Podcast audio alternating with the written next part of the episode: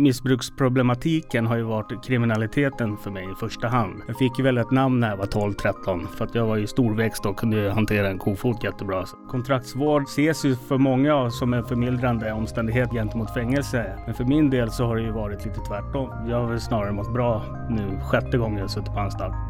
Vad är det som kan få en människa att verkligen vilja förändra sitt liv? För dagens gäst började livet med missbruk i väldigt tidig ålder som ledde honom in i kriminaliteten som blev hans närmsta familj. Med flera återfall och flera fängelsestraff i ryggen har han nu påbörjat sitt liv i frihet med en stor tacksamhet och en vilja att fortsätta på samma väg. Jag heter Rebecka Hagman och är kommunikatör på Skyddsvärnet vars podd du nu lyssnar på. Följ gärna podden på Spotify eller i podcastrappen och lämna gärna en recension. Men nu till veckans gäst som är Fredrik.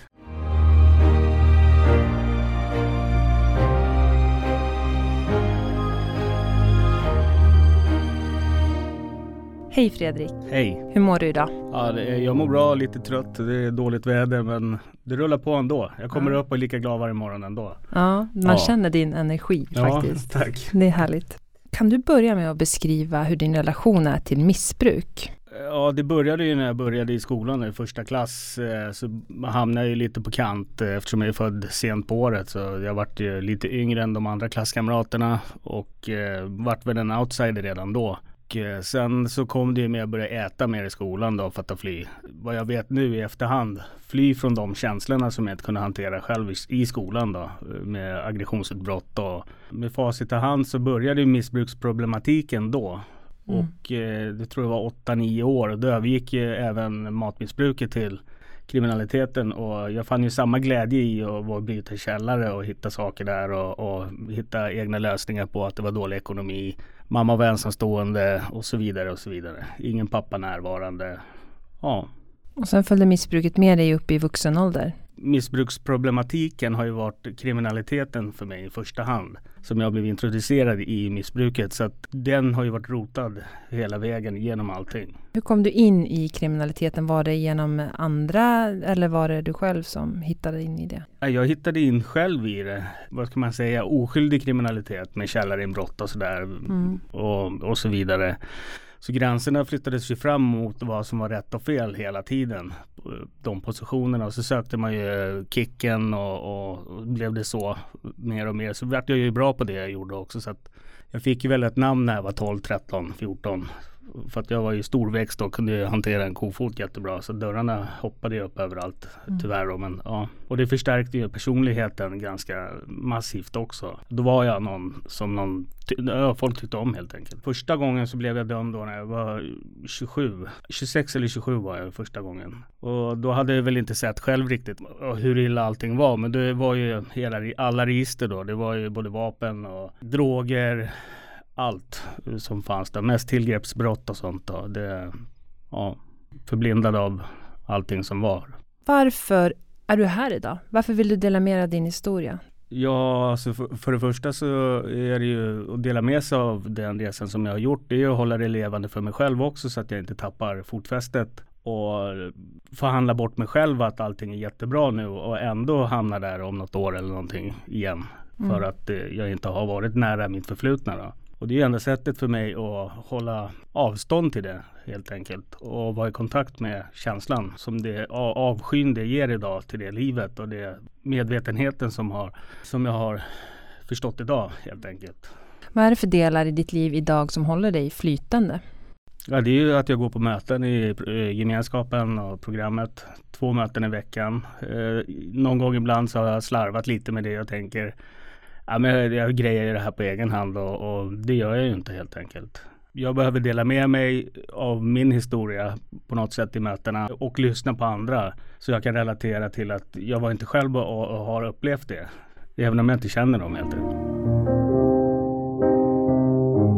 Du fick fängelsestraff först och nu har du haft kontraktsvård. Kan du berätta vad det innebär för någon som inte vet? Kontraktsvård eh, ses ju för många som en förmildrande omständighet till, eh, gentemot fängelse eh, för att slippa fängelset. Men för min del så har det ju varit lite tvärtom. För i fängelset, där har jag kunnat sitta av tiden hur lätt som helst. Jag har väl snarare mått bra nu sjätte gången jag suttit på anstalten här på slutet. Men jag insåg ju på häktet där när jag vaknade till efter tre månader nu den här sista gången att då förstod jag ju hur illa allting var. Så fick jag ett andligt uppvaknande på häktet. Eh, när allting blev helt kristallklart. Det kom från ingenstans. Och då tänkte jag så här, men jag måste ju försöka ta mig på en behandling eh, och se vad det är för någonting. För det har ju funkat för andra människor tidigare. Eh, med jättestor skeptism kring eh, kontraktsvård överhuvudtaget då. För att jag provade ju kontraktsvård 2011 också. Då var jag ju inte ens, jag var inte där i huvudet. Du var inte mottaglig sätt. för det? Nej, nej. nej det, jag förstod inte ens vad det var. Och vad då prata om Gud och sådana här saker. Det, ja, jag förstod inte helt enkelt. Vad var skillnaden den här gången då? Vad är det som gjorde att det funkade? Att jag, jag gjorde en jätteransakning på häktet först, först och främst och fick mitt andliga uppvaknande och blev medveten om mig själv och min problematik. Och jag kunde väl se min egen del i allting redan på häktet. Och vilket eh, är ju steg fyra om man ska prata stegarbeten. Det är ju steg fyra. När man ska se sin egen del i allting. Och, och det var väl det jag förstod på häktet innan jag ens hade börjat läsa i programmets ja, bok. Då. Finns det någon oro kring att leva ute i det fria nu? Är du orolig att det ska gå snett? Nu när, när jag håller mig närvarande till känslorna och till mina egna signaler och är mer medveten om vad som drar igång i olika situationer.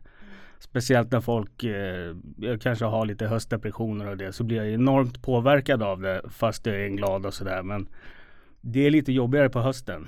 Okay. Märker jag nu. Och det, nu är det ju första hösten sedan jag är helt fri då, från övervakning och allting. Så att, men eh, jag har nära till signalerna och, tid, reflektion och tid till och kvällsbön som det heter då, varje dag, varje kväll och dagsinventera.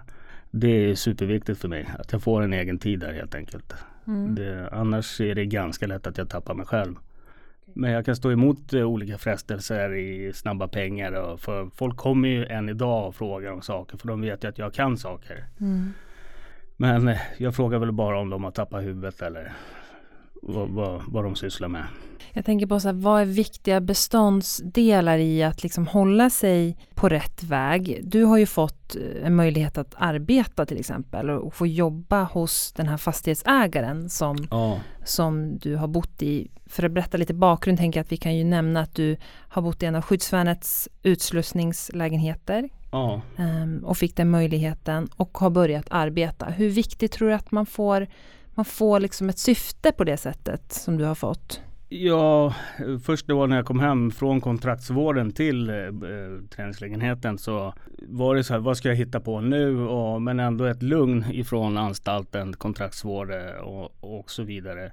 Sen var jag bara mig själv och eh, träffade ägarna till fastigheten och pratade lite med dem sådär och även gubben som höll, hade hand om gräsmattorna och sånt. Och sen eh, pratade lite mer och sa att jag tyckte de var väldigt fina som ställde, eller liksom som hyrde ut hela den porten då till skyddsvärnet och att jag tycker det är en jävla fin grej för att det är ju bara svårare och svårare idag att få tag på lägenheter. Och vi fattade väl tycke för varandra där på, på något sätt, eh, de och jag. Så att ja, sen frågade jag om de behövde hjälp med någonting och så därifrån så spann det iväg. Och nu har du en tjänst hos dem? Ja. ja det är ja. fantastiskt. Ja. Som fastighetsskötare, tekniker, jag vet inte. Det är en mm. ganska bred tjänst men mm. det passar mig jättebra för jag kan styra mina egna tider och mm. väldigt fritt och flexibelt. Känns det viktigt för dig, liksom din väg framåt, att du har det här jobbet? Ja, det är superviktigt att ha rutinerna och eh, kontakten med, om man ska säga, normala människor. Och de här killarna är så genomfina båda två. Så att det finns ingenting ont i dem på något sätt. Och det, det är väl första gången som jag har haft normala människor runt mig på något sätt och sett vad normalt är kanske då, eller någonting sånt. Så att komma in i ett sammanhang som ja, är... och få det förtroendet som jag ändå har fått ifrån dem. För i grunden så vet de ju ändå att jag har bott hos skyddsvärnet och de vet ju vilka klienter skyddsvärnet har ibland och vad skyddsvärnet hjälper till med. Då. Har du upplevt att du blir liksom dömd för din bakgrund och att personer har en viss inställning? Tidigare har jag ju upplevt det. Men nu bryr jag mig inte så mycket. Jag delar gärna med mig av vad, som, vad jag har gjort och hur mm. galet allting har varit. Och det är ingenting som jag skymmer undan med eller ska gömma på något sätt. Om någon frågar så berättar jag helt enkelt. Vad tror du det är som har gjort att du har liksom återfallit i, i både missbruk och brott gång på gång? Ja, det, det är enkelheten i att vara i det livet. Eh, och fly kriminaliteten. Om jag har mått dåligt till exempel så har jag flytt till det. Har jag varit glad så har jag flytt till kriminaliteten. Droger, det blir en extra boost på alltihopa så att då, då spårar det ut ganska fort. Sen är snöbollen i rullning och sen tackar man för kaffet och åker in på anstalt. Mm. Vilat upp sig och fått allting klart för sig och kommit ut igen. Så att jag har ju fått chanser enormt många chanser av staten och myndigheter tidigare med fotbojor och allting. Och så. Men eh, det när jag har kommit ut efter ett år då när övervakningen har tagit slut och sen är det på något sätt som att jag har velat förstöra för mig själv helt enkelt. Vad är det man vill fly undan då? Tristessen, tråkigheten har jag ju trott att det har varit. Men jag, jag, jag vet inte riktigt. Det, rastlösheten är... Har du fått kickar av att göra någonting? Det är att jag själv har ju varit den personligheten i det livet. Mm. Att jag har varit någon där. Mm. Jag, vet, jag har inte vetat vem jag har varit på de andra sätten i det normala livet. Ja, det har, det har varit en konstig resa på det sättet. Så det är det som är skillnaden nu? För nu börjar du hitta en, eh, en ny roll då? ja, jag, jag lär mig ju nya saker varje dag om mig själv och har ett enormt tålamod med folk på jobbet bland annat som ja, som jag inte visste att jag hade. Det är så att omgivningen själva nästan blir arga på mig för att jag har sånt stort tålamod med andra människor. Vad, vad kommer du göra nu då framåt för att inte återfalla i gamla mönster igen? Vara väldigt varsam på och tacksam för det som har varit och de chanserna jag har fått med, med kriminalvården, kontraktsvården. Jag fick ju extra lång kontraktsvård också för att jag var så motiverad redan från anstalten och det brukar inte hända. Men jag visar ju viljan och motivationen hela tiden och alla de här grejerna som bara har klickat i och funkat är jag ju tacksam för varje dag. Mm. Uh, och jag behöver ju bara ta upp en sån sak för mig själv så får jag så stor tacksamhet så att jag kan inte rasera det på något sätt heller. Och uh, dels att jag har min dotter hemma på heltid nu då. Så att uh, ja, hon trivs jättebra hemma i sitt rum och ja, det är jättebra. Har du något råd till någon annan som är i den situationen som du var för några år sedan? Att man, man gärna flyr undan och går in i missbruk och droger. Vad vill du säga till den personen? Försök att ta kontakt med sina egna känslor och inte tro som jag gjorde hela mitt liv att jag var ju så jäkla speciell, mer speciell än alla andra runt omkring och det var aldrig någon som förstod just min situation.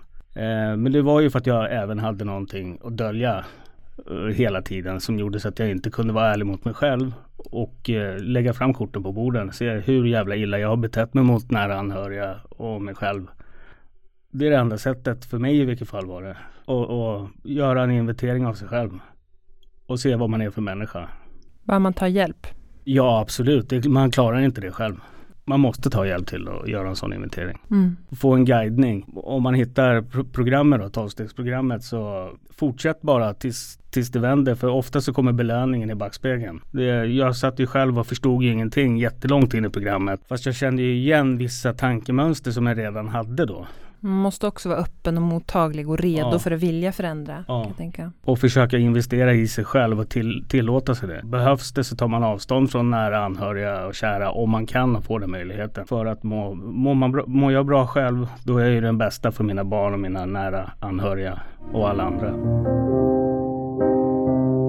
Hur tänker du kring ungdomar som kommer in i gäng och liksom den här rädslan för att lämna, till exempel lämna ett gäng. Kan du tänka dig in i den situationen? Jag förstår den eh, jättemycket.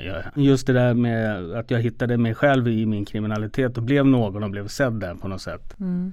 Ja, om jag tittar i backspegeln var ju det en av de starkaste drivkrafterna i det där. Att jag ville ju vara någon i det här och jag var bra på det jag gjorde. Och, det är en utmaning kan jag tänka mig. Ja, att det, är, det är svårt det där att det bara liksom bestämma sig för att gå ifrån också. Ja. När man har hittat ett syfte ja. i en grupp. Är det något stöd som du hade behövt få från samhället som du tycker att du faktiskt inte fick? Det var ju jag mig det var fel på i skolan till exempel när jag gick i ettan, tvåan, trean. Och blev ju skickad till en annan skola för att det var fel på mig. Men det var ingen som riktigt tog tag i det då. Men, men det är väl livets gång kan jag tänka mig. Hjälpen finns där hela tiden. Det gäller ju bara upp till en själv att ta hjälpen som man får. Och då gäller det att vara 100% ärlig i allting också. Har man gjort fel eller har man något att dölja, lägg det på borden bara. Det finns, vad är det värsta som kan hända? Och eh, jag ska säga att jag har fått all hjälp som jag har kunnat få. Mm. Eh, Och det finns ju ännu mer resurser idag än vad det gjorde då. Mm. Hur ser du på framtiden nu då? Vad, tänker du framåt eller är du här och nu? Jag är här och nu. Är det, det är det bästa. Till det är ja. nyckeln till frihet. Det är Du har inga mål eller sådär? Nej, jag har ju kortsiktiga mål. Det är att fortsätta bibehålla min tillfrisknandet och, och kriminella, inte kriminella livsstil. Så att eh, det, det är de målen jag har och jag är glad för det som jag får varje dag. Mm. Och vakna och inte känna något sug efter alkohol eller droger eller kriminalitet eller någonting. Utan jag är glad att gå till jobbet. Det känns som tacksamhet är det Ja. du liksom Ja, ödmjukhet och jobbar med. tacksamhet. Ja. Ja. Och det ger så himla mycket mer. Så det, det, ja. Det har kommit saker som jag inte ens har kunnat ana från massa håll som bara har blivit. Vill du ge ett exempel? Nej, nej men till exempel om jag ska söka ett gymkort man, när jag har suttit hos beroendeenheten eller någonting sånt. Och så jag behöver ju börja träna eller och sådär. Och så ja, fick jag hjälp med det. Jag fick ett gymkort därifrån och gå på Gröna Lund med Buff då som jag går hos också. Eh, haft kontakt med barnen hela tiden. Åkt skidor där och, Det och fått finns- följa med ändå fast vi inte har varit riktigt närvarande där hela tiden. Då. Men ja, det, det, hela tiden kommer det. Det finns Bra ett eh, saker. bra stöd och nät om man liksom Ja, lyfter ögonen. ja. Några motgångar har du ju stött på. Eh, Du var ju med om en olycka här tidigare i år. Kan du berätta om den? Ja, jag, jag var ju på landet och skulle städa i ladan på landet och eh, plocka undan massa skräp inne på en byggnad som låg inne i ladan. Och eh, gick jag runt där och det var väl två och en halv meter högt ungefär och så betonggolv under. Och jag lyckades ju ramla ner i betonggolvet och bryta båda armarna. Åh, Ja. herregud, gjorde det ont? Eh, jag kände hur det knäcktes i båda armarna. Eh, gjorde jag på vänsterarmen. Och högerarmen visste jag ju inte riktigt för den, den hade inte gått av helt. Men med vänsterarmen den, den var jag av på två ställen. Så benpiporna stack ut. Då tänkte jag men vi, vi, det är snabbast att åka bil direkt själva till sjukhuset då. Men eh, ja, vi tog oss själva till sjukhuset och sen på senare på röntgen så hade jag ju brutit högerarmen också. Den hade inte gått av men den hade fraktur på. Mm. Eh, och det var väl inte det bästa i, i ett, att tillfriskna eller så där fanns det ju jättemycket orsaker till att återfalla i någon form av Mm. missbruk eller någonting sånt. Och jag var ju öppen direkt när jag kom in på SÖS att jag hade den problematiken och de fick läsa journalerna och alltihopa. Och ja, de kom ju från smärtavdelningen sen och var tacksamma för för att jag hade varit öppen med alltihopa och sådär. Så att det kom jag hem till slut lite i förtid. Det var ju då jag skulle flytta från skyddsvärnet till nya lägenheten också. Ja. Men eh, så det vart ju ett ofrivilligt återfall med, med eh, som jag har fått höra på i programmet också. Åter, när, när man tar återfall så blir det en, en kontrollförlust Mm. i att jag lyckades inte ha koll på, liksom vara närvarande i olika saker. Utan allting blev bara jobbigt och jag blev frånskjutande. Men i det här så kunde jag se det själv också. Så att, eh, då tänkte jag att det är lika bra att skita i de här morfintabletterna. För att det, det går inte. Så jag la ju ner dem också och, eh, och käkade Alvedon och Ipren sen. Starkt. Ja, och jag är ju tacksam för det där att det hände också så att jag blev medveten. För jag kan ju förstå att ett återfall blir tio gånger värre. Även om det är droger, alkohol eller kriminalitet så blir ju det värre när, när man är så medveten om sin egen situation och ändå gör någonting som inte är bra för en. Du hade kommit så långt då att du, du kunde ta dig igenom den där motgången. Ja, Bra jobbat. ja tack, tack. Men du, vi har en sista fråga som vi ställer till alla som är med i den här podden. Kan du berätta något som känns oväntat eller roligt om dig själv? Jag skäms att säga det, men jag sliter faktiskt bort sopsorteringen i varje lägenhet som jag hamnar i. Så att jag grejer inte att hålla på och, och kasta grejer i olika hinkar och byttor och hålla på. Det, så att det, allting åker i samma säck tyvärr. Aj, så jag vill ha aj. miljöbuse på det sättet. Ja, ja precis. Ja. Vi får se om det blir någon lag på det där sen då, Ja. så du kanske, då måste du ändra på det där så du inte bryter Ja. mot lagen. Ja, och sen, och sen eh, skällde jag ut då. Men jag har ju hittat en tjej i allt det här också. Men hon rullade inte ihop dammsugarslangen runt dammsugaren. Det, det får man inte göra. Man kan inte lämna dammsugarslang eller dammsugarsladden på golvet Nej. i en hög. Det går inte. Det är viktigt Ja, det, det är jätteviktigt och då blir skilsmässa direkt. Men du, du får jobba på, på sorteringen för miljön då, om du har en dotter också. Ja, jo, jag, jag gör det. Mm, det är bra. Men du Fredrik, stort tack för att du kom hit och delade med dig av eh, all din erfarenhet och din kunskap. Ja, tack så mycket. Jag hoppas jag kunde bidra till någon förändring hos någon. Det är jag övertygad om. Tack.